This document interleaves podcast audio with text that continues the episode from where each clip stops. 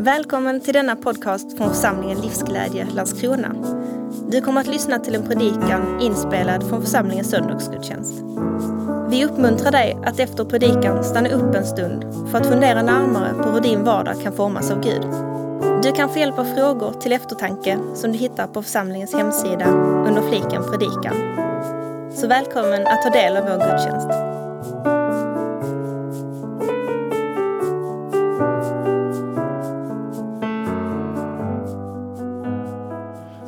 Ska strax eh, landa in i en eh, liknelse ifrån Matteus evangeliet.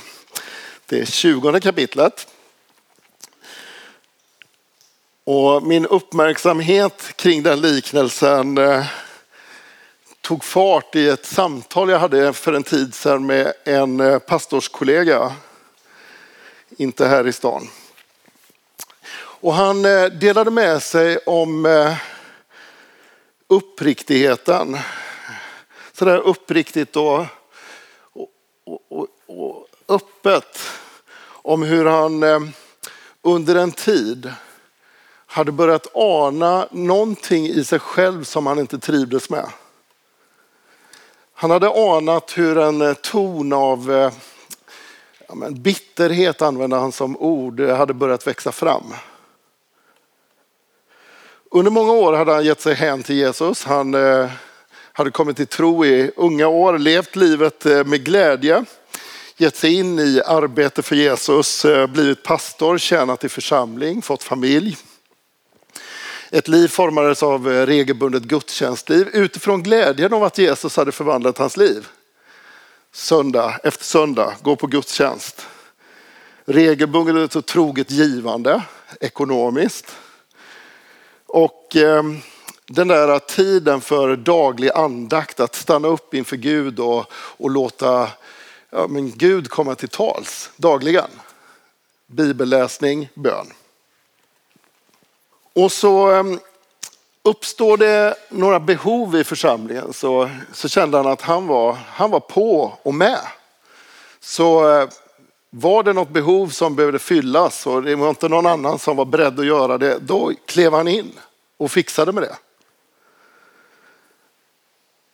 Och barnen var en del av eh, det här livet. Kyrka på söndagar. Allt detta utformat utifrån kärlek till Jesus. Jesus har förvandlat mitt liv. Det här är mitt gensvar till den kärleken. Och så kom den där äh, smygande känslan som man inte gillade. Men samtidigt just nu inte heller riktigt visste hur han skulle hantera. Den där känslan av bitterhet som kom krypande. En känsla av att uppoffringarna kanske hade varit för stora. Och känslan trädde ju fram utifrån Inte att han var ledsen för de där goda vanorna han hade levt. Inte egentligen för det han hade bidragit med och gjort, för det gjorde han utifrån kärlek. Men någonstans hade blicken flyttats från den egna relationen, den egna responsen till Jesus, att det var därifrån det stammade. Och blicken hade börjat vända sig runt omkring. Vad gör egentligen andra? Och det som var de goda vanorna som var hans respons på Guds kärlek blev ju på något sätt en måttstock som han inte bara mätte sitt eget liv och sin egen vilja med utan började mäta andras liv med. Och känslan var, jag ger mer än alla andra. Varför är inte andra hängivna på samma sätt som jag? De verkar ha rätt bekväma liv. De prioriterar andra saker. Har lättare för att säga nej om det finns behov. Och så börjar det liksom glädjen glida honom ur händerna. Jag har gått och funderat på det där. Och jag vet inte hur du känner igen dig själv i eh, den beskrivningen. Nu går vi till Matteus evangeliet, det 20 kapitlet och läser en liknelse. Med himmelriket är det som när en jordägare vid dagens början gick ut för att leja arbetare till sin vigård. Han kom överens med dem om en dagspenning på en denar och sände iväg dem till vingården. Vid tredje timmen gick han ut igen och fick se några andra stå sysslolösa på torget. Till dem sa han, gå bort till vingården ni också, jag ska ge er skäligt betalt. Och de gav sig dit, sedan gick han ut vid sjätte timmen och vid nionde och gjorde likadant. Vid elfte timmen gick han ut igen och när han såg några andra stå där sa han, varför står ni här hela dagen utan arbeta? De svarade, därför att ingen har lejt oss. Då sa han, gå bort till vingården ni också. På kvällen sa vingårdens ägare till förmannen, kalla samman arbetarna och ge dem deras lön. Börja med de som kom sist och sluta med de första. De som hade lejts vid elfte timmen kom fram och fick en dinar var. När sedan de första steg fram trodde de att de skulle få mer men fick varsin dinar de också. Då protesterade de och sa, Herre, till ägaren, de där som kom sist har bara hållit på en timme och du jämställde dem med oss som har slitit hela dagen i solhettan. Då sa han till dem, min vän, jag är inte orättvis mot dig. Vi kom ju överens om en dinar. Ta nu vad du ska ha och gå, men jag vill ge den sista lika mycket som du fick. Har jag inte rätt att göra som jag vill med det som är mitt? Eller ser du med onda ögon på att jag är god? Så ska de sista bli först och de första bli sist. Den här bilden är ju känd för de som eh, lyssnar för första gången. Vid torget så samlas människor tidigt på morgonen som behöver jobb för dagen. Det finns ingen fackförening som förhandlar löner för arbetare utan det är arbetsgivarnas marknad och där går arbetsgivare som behöver lite handräckning under dagen eh, ut då, och lejer de som behövs för dagen. Det är ett liv från eh, hand till mun för de som jobbar. Och nu använder Jesus den här bilden av torget som alla känner igen och, och beskriver en arbetsgivare som kommer, igen, eh, kommer dit. Trots att han har överhanden i situationen så ger han en schysst lön, en, en normal dagslön för arbete vid den här tiden. Så poängen handlar inte om arbetares villkor, eh, vare sig då eller i historien. Och så är liknelsen hur eh, morgonen eh, går över till dag och var tredje timme så går den här arbetsgivaren ut och hämtar fler som kan hjälpa till i vingården. Och så kommer löneutbetalningen i fallande ordning. De som hade jobbat kortast tid ner till de som hade jobbat längst tid. Alla får samma lön. Vi har ju arbetat längre för samma lön. Detta är orättvist. Och i liknelsen flyttas eh, beskrivningen från det som man hade kommit överens om till jämförelse med vad andra fick. Min vän, jag är inte orättvis. Du får ju det vi kom överens om, svarar arbetsgivaren. Han som har kommit fram där och ställt sig som talesperson för de andra medarbetarna. Jag vet inte hur det är för dig, men vi har säkert, jag tänker vi kan känna igen oss i liknelsens ton. Att eh, känna oss förfördelade eller orättvist behandlade just i jämförelse med andra. Inte utifrån den egna överenskommelsen egentligen, men den här orättvisan att man kom överens om något som, som inte blev som man hade tänkt. Här blir det ju faktiskt som det var sagt från början i den här liknelsen. Men visst kan vi känna igen oss i att vi har gjort överenskommelser och blivit besvikna på att ha blivit överutnyttjade. Någon som har känt det så någon gång? När jag läste den här liknelsen inför den här predikan och funderade på det så kom jag att tänka på en händelse för massor med år sedan. Jag, vi hade precis startat församlingen eller nyligen gjort det och, och det var ganska kärvt liksom ekonomiskt. Det var lite olika jobb. Jag försökte pröva på olika saker för att vi skulle ha mat på bordet och kunna betala räkningarna. Och vi, det var tungt emellanåt att få ekonomin att gå ihop. Och då var det en kyrka som frågade om jag kunde komma och predika en söndag. Och nu ligger det ju någonting att, ja, det där gör man ju inte för pengar. Samtidigt så eh, finns det en överenskommelse att man får betalt när man är ute och predikar. Eh, och det finns inom samfundet en taxa som man använder sig av för att det inte ska bli krångligt att komma överens. Där det står normalarvodet för en söndag. Och inför den här predikan och jag skulle åka iväg så, så kom jag överens med den som hade kallat mig. Ja, men vi följer taxan i handboken. Och så kom jag dit och jag predikade och efter gudstjänsten så kommer kassören fram till mig. Och så har han ett tomt eh, blad där man ska fylla i arvode. Det står arvode och så står det reseersättning och så står det slutsumma.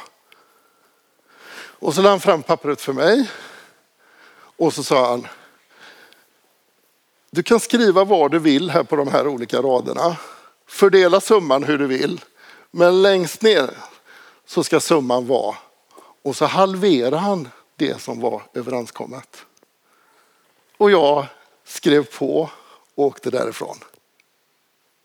Hälften av vad vi hade kommit överens om. Och i bilen hem, vi hade behov med småbarn, mat på bordet, pengar in på kontot. Jag var så grymt besviken. Kände mig otroligt orättvist behandlad och förfördelad.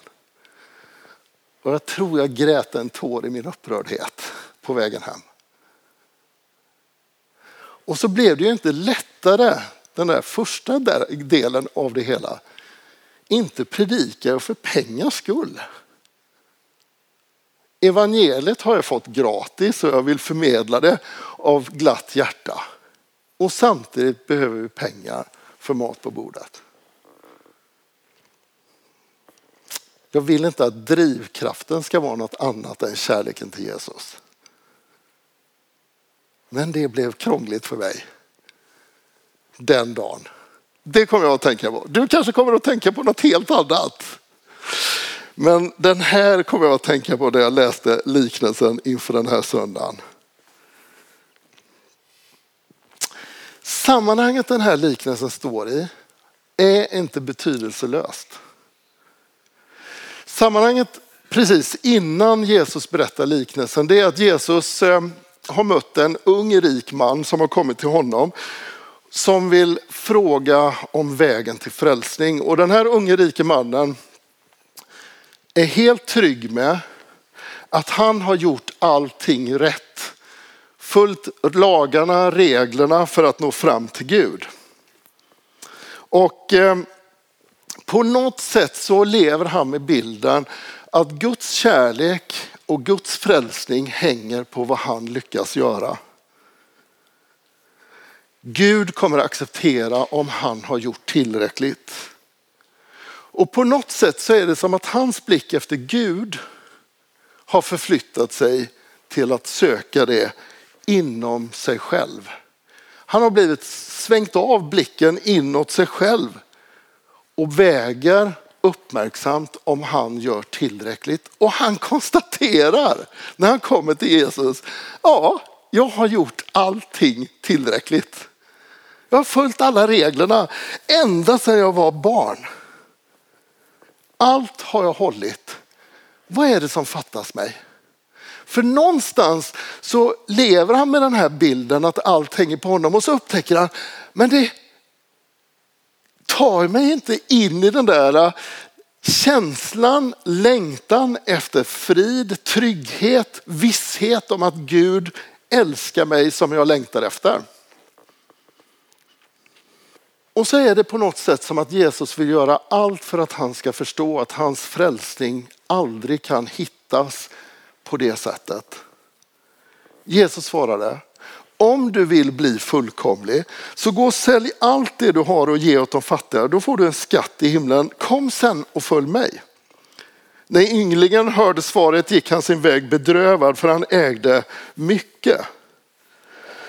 Och Jesus han använder sedan de här bevingade orden att det är lättare för en, eh, kamel att komma igenom ett litet nålsöga än för en rik man att komma in i Guds rike. Och med de orden så visar han att eh, allt är omöjligt om vi försöker hitta frälsningen i vår egen förmåga att göra rätt. Ge tillräckligt mycket, engagera oss tillräckligt mycket, göra de goda sakerna. Det är inte det som är frälsningsvägen. Det är inte uppmärksamheten på det som kommer göra att vi kommer hem till Gud. Och så säger Jesus, och det här kan ju verkligen sticka till när folk då sen frågar, vem kan då bli räddad? Och Jesus svar är ju, ja men det som är omöjligt för människor är möjligt för Gud. För Gud är allting möjligt. Han frälser, han räddar för att han vill det. Det är hans överenskommelse, det är hans erbjudande till oss människor. Han räddar oss. Inte för att vi har lyckats göra rätt, utan för att han är den han är. Han är trofast Gud. Och det är klart att de här orden om att sälja allt man äger och följa honom kan ju få oss att svettas lite granna här i Sverige. 70 procent av Sveriges befolkning ingår i gruppen som utgör 10 procent av de rikaste i hela världen. Det är inte så vi känner när du kanske kollar på kontot och ska betala dina räkningar. Att du är bland de 10 procenten rikast i den här världen. I hela världen är du och jag några av dem. Så Jesus vill föra den här unge mannen till den där punkten där, där han förstår att Gud vill rädda honom. Inte för allt gott han har gjort, utan för att Gud älskar. Och då vänder berättelsen och Petrus han säger, och nu kommer ju hans liv i fokus. De val han har gjort när Jesus har kallat på honom. Han säger, vi då, vi som står här runt dig, som är dina lärjungar, vi har ju lämnat allt och följt dig. Hur blir det då för oss? De har brutit upp från sina hem, de har varit på resande fot tillsammans med Jesus. De har sänts ut två och två till olika platser med begränsade resurser. De fick inte ta med sig särskilt mycket mat, inte mer än ett ombyte kläder och inga sandaler på fötterna när de sändes iväg och blev helt utlämnade att ta emot av andra människors omsorg som skulle vara generösa och öppna sina hem. Så de kom med evangeliets berättelse och glädje att dela det och andra behövde öppna sina hem och ta emot dem. Tvätta deras såriga fötter, ställa fram mat, ge en eh, säng att eh, sova i. De hade fått vara med på flera olika sätt under det livet att se att Gud visade sig trofast och omtänksam om deras liv. Gud tog hand om dem så att det räckte till.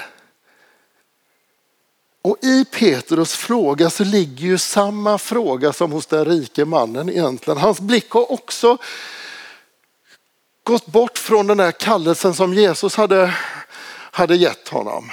Att ha Jesus som centrum, som den han var kär i och förälskad i och ville följa för sin egen skull, för att det var Jesus.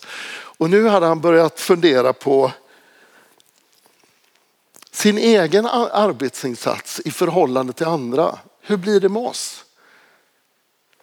Får inte vi det lite mer än vad andra får? Och Jesus han svarar Petrus om att han ska få ärva evigt liv, precis så som Gud har lovat honom. Var och en som för mitt namns skull har lämnat hus eller bröder eller systrar eller far eller mor eller barn eller åkrar ska få hundrafalt igen och ärva evigt liv. Många som är sist ska bli först och många som är först ska bli sist. Så det Jesus säger till Petrus, det du och jag har kommit överens om, att du skulle följa och få del av himmelriket. Det håller hela vägen. Den överenskommelsen mellan dig och mig, den är där. Jag kommer ta hand om dig hela vägen in i mål.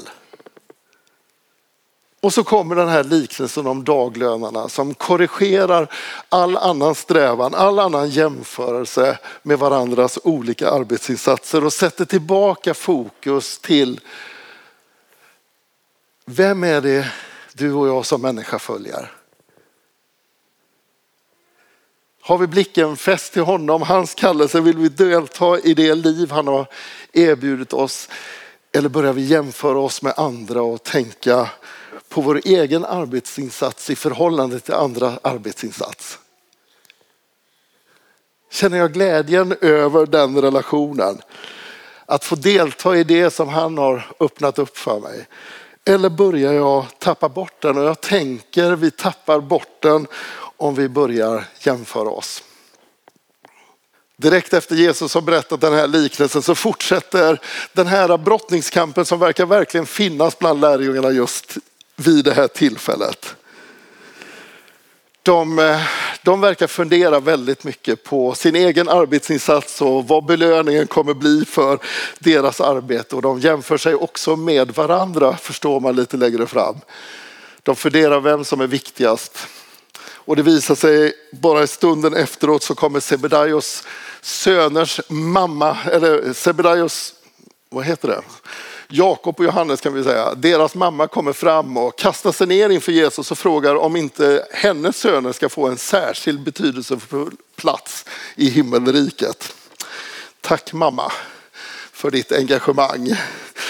Och det är inte så att sönerna verkar helt, eh, helt eh, förvånade över mammans fråga, utan de intygar att de gärna vill ha de här platserna när Jesus frågar dem, är ni beredda att ge allt? Och de säger jajamensan, vi är beredda att ge allt, bara vi får de platserna.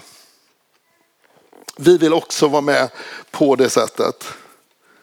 Och Jesus kommer säga att eran blick är felställd. Er blick ska vara riktad på att tjäna varandra och ge ut er i omsorg om varandra. Ni vet att härskarna är herrar över sina folk och att furstarna har makten över folken. Men så är det inte hos er. Den som vill vara stor bland er ska vara de andras tjänare och den som vill vara den första bland er ska vara de andras slav. Inte heller människosonen har kommit för att bli tjänad utan för att tjäna och ge sitt liv till lösen för många. Så Jesus vill ändra eller forma lärjungarnas blickar till att leva sina liv i relation till honom som centrum. Uppmärksamma på honom, delaktiga i det han vill ge dem och leva det liv som han erbjuder dem. Och det är rätt fantastiskt när han i liknelsen använder ordet daglönare som beskrivning. Daglönare i gamla testamentet nämns vid ett par tillfällen som människor som inte ska få äta eller komma in i det allra heligaste. Och de här lärjungarna de har blivit inbjudna att delta i det mest fantastiska heliga som vi människor får vara med om. Att ta emot Jesus och leva ut hans vilja i den här världen. Att få delta med det utifrån våra förmågor, våran kraft och våra möjligheter som alltid kommer växla genom det liv vi är en del av. Han använder den bilden att människor, vanliga människor som inte har blivit berömda för att de är särskilt religiösa eller andligt intresserade. Utan för att han kallar på dem och de uppfattar hans kallelse så blir de indragna i det som verkligen är heligt. Och här vill jag landa in den här morgonen in i ditt och mitt liv. Vad är ditt och mitt torg där Gud kallar på dig och mig?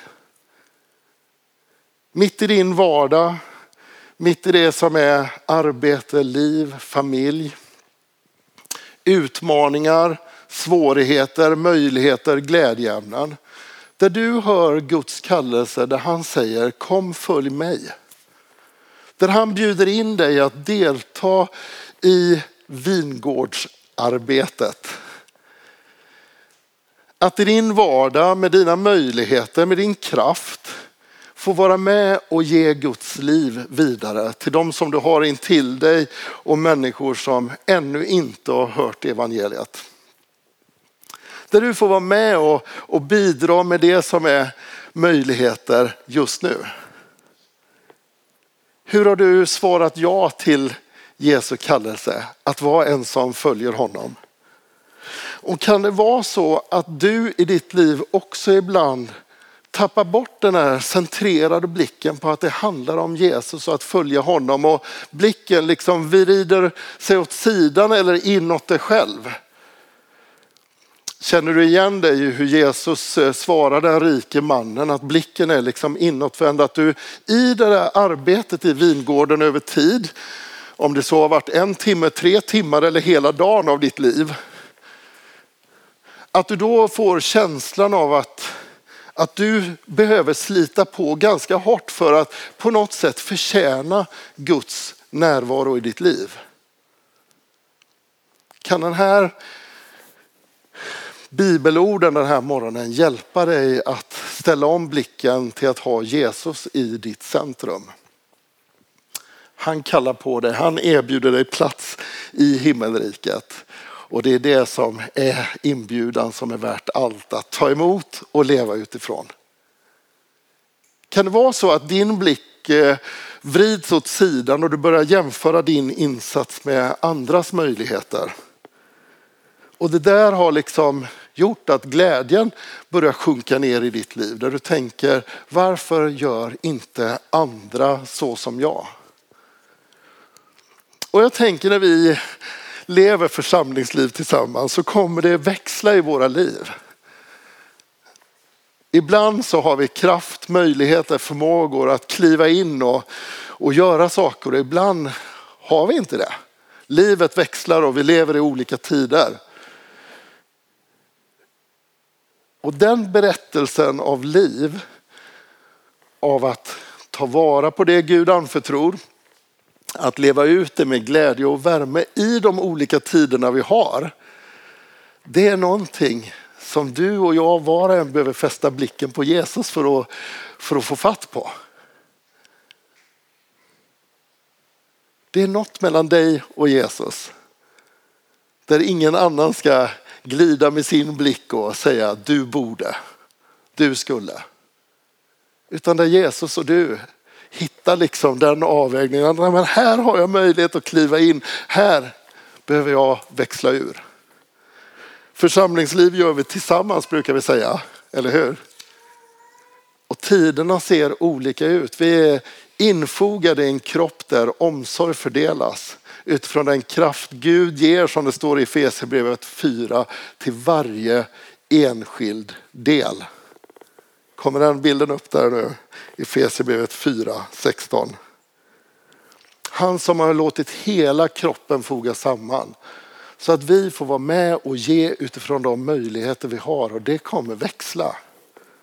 Men du och jag får vara med och det är sådana bibelord som har hjälpt mig genom mitt liv, tänker jag. Att hålla kvar blicken på Jesus. Det finns bibelord som har hjälpt mig som betonar just glädjen i deltagandet.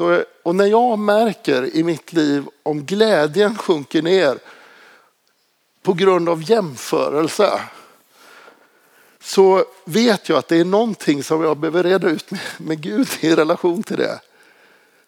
Jag behöver hitta tillbaka till varför lever jag det liv jag har valt att leva. För att Jesus har kallat på det. Och det där har varit bibelord som kring ledarskap, första Petrusbrevet i femte kapitlet. Där Jesus uppmanar de som är herdar för jorden, de som har ansvar att bära i en församling. Ja, men de ska göra det självmant, inte av tvång, så som Gud vill. Och för mig handlar det där om glädje. Det ska vara lustfyllt på det sättet, roligt att tjäna Gud om man skulle säga så. För att det är roligt att göra det, glädjefyllt för att jag gör det av glatt hjärta i relation till att Gud har kallat på mig eller givandet och generositeten andra Korintierbrevet, det nionde kapitlet, som också betonar glädjen av att få vara med och ge utifrån det man har bestämt sig för. Också självmant, inte av tvång, utan av glädje fördela de saker utifrån ens möjligheter. Och det är Paulus som skriver efter att ha i den församlingen har många sagt att vi vill vara med och ge till de fattiga i Jerusalem. Och han skriver i det här brevet för att påminna dem att hålla fast vid det de har bestämt sig för. Och så betonar han, gör det med glädje. Gör det ni gör med glädje. Så för mig, när jag anar i mitt eget liv att nivån av glädjefylldhet i det jag håller på med minskar, då är det en bra startpunkt att komma till Jesus och säga Gud, jag vill hitta tillbaka till dig i allt det jag lever. Vi ber tillsammans. Jesus, du känner oss var och en. Tack för att du ger oss av din livgivande frälsning. Att du kommer med ditt liv och säger välkomna hem. Välkommen att börja följa. Och det gör du mitt i det som är vårt torg, det som är våran vardag. Och de förutsättningarna ser olika ut. Och i det efterföljandet av dig så leder det oss till olika platser. Genom historien har vi sett att några bryter upp från allt och går som vandrande förkunnare som de första lärjungarna. Andra går in i, i andra funktioner, bryter upp från en plats och flyttar till en annan. Men för de flesta av oss innebär livet av att gå på din kallelse att vara kvar.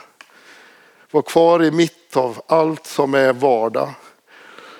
Mitt i det som är familjeliv, barn, arbete, arbetslöshet, skola, relationer.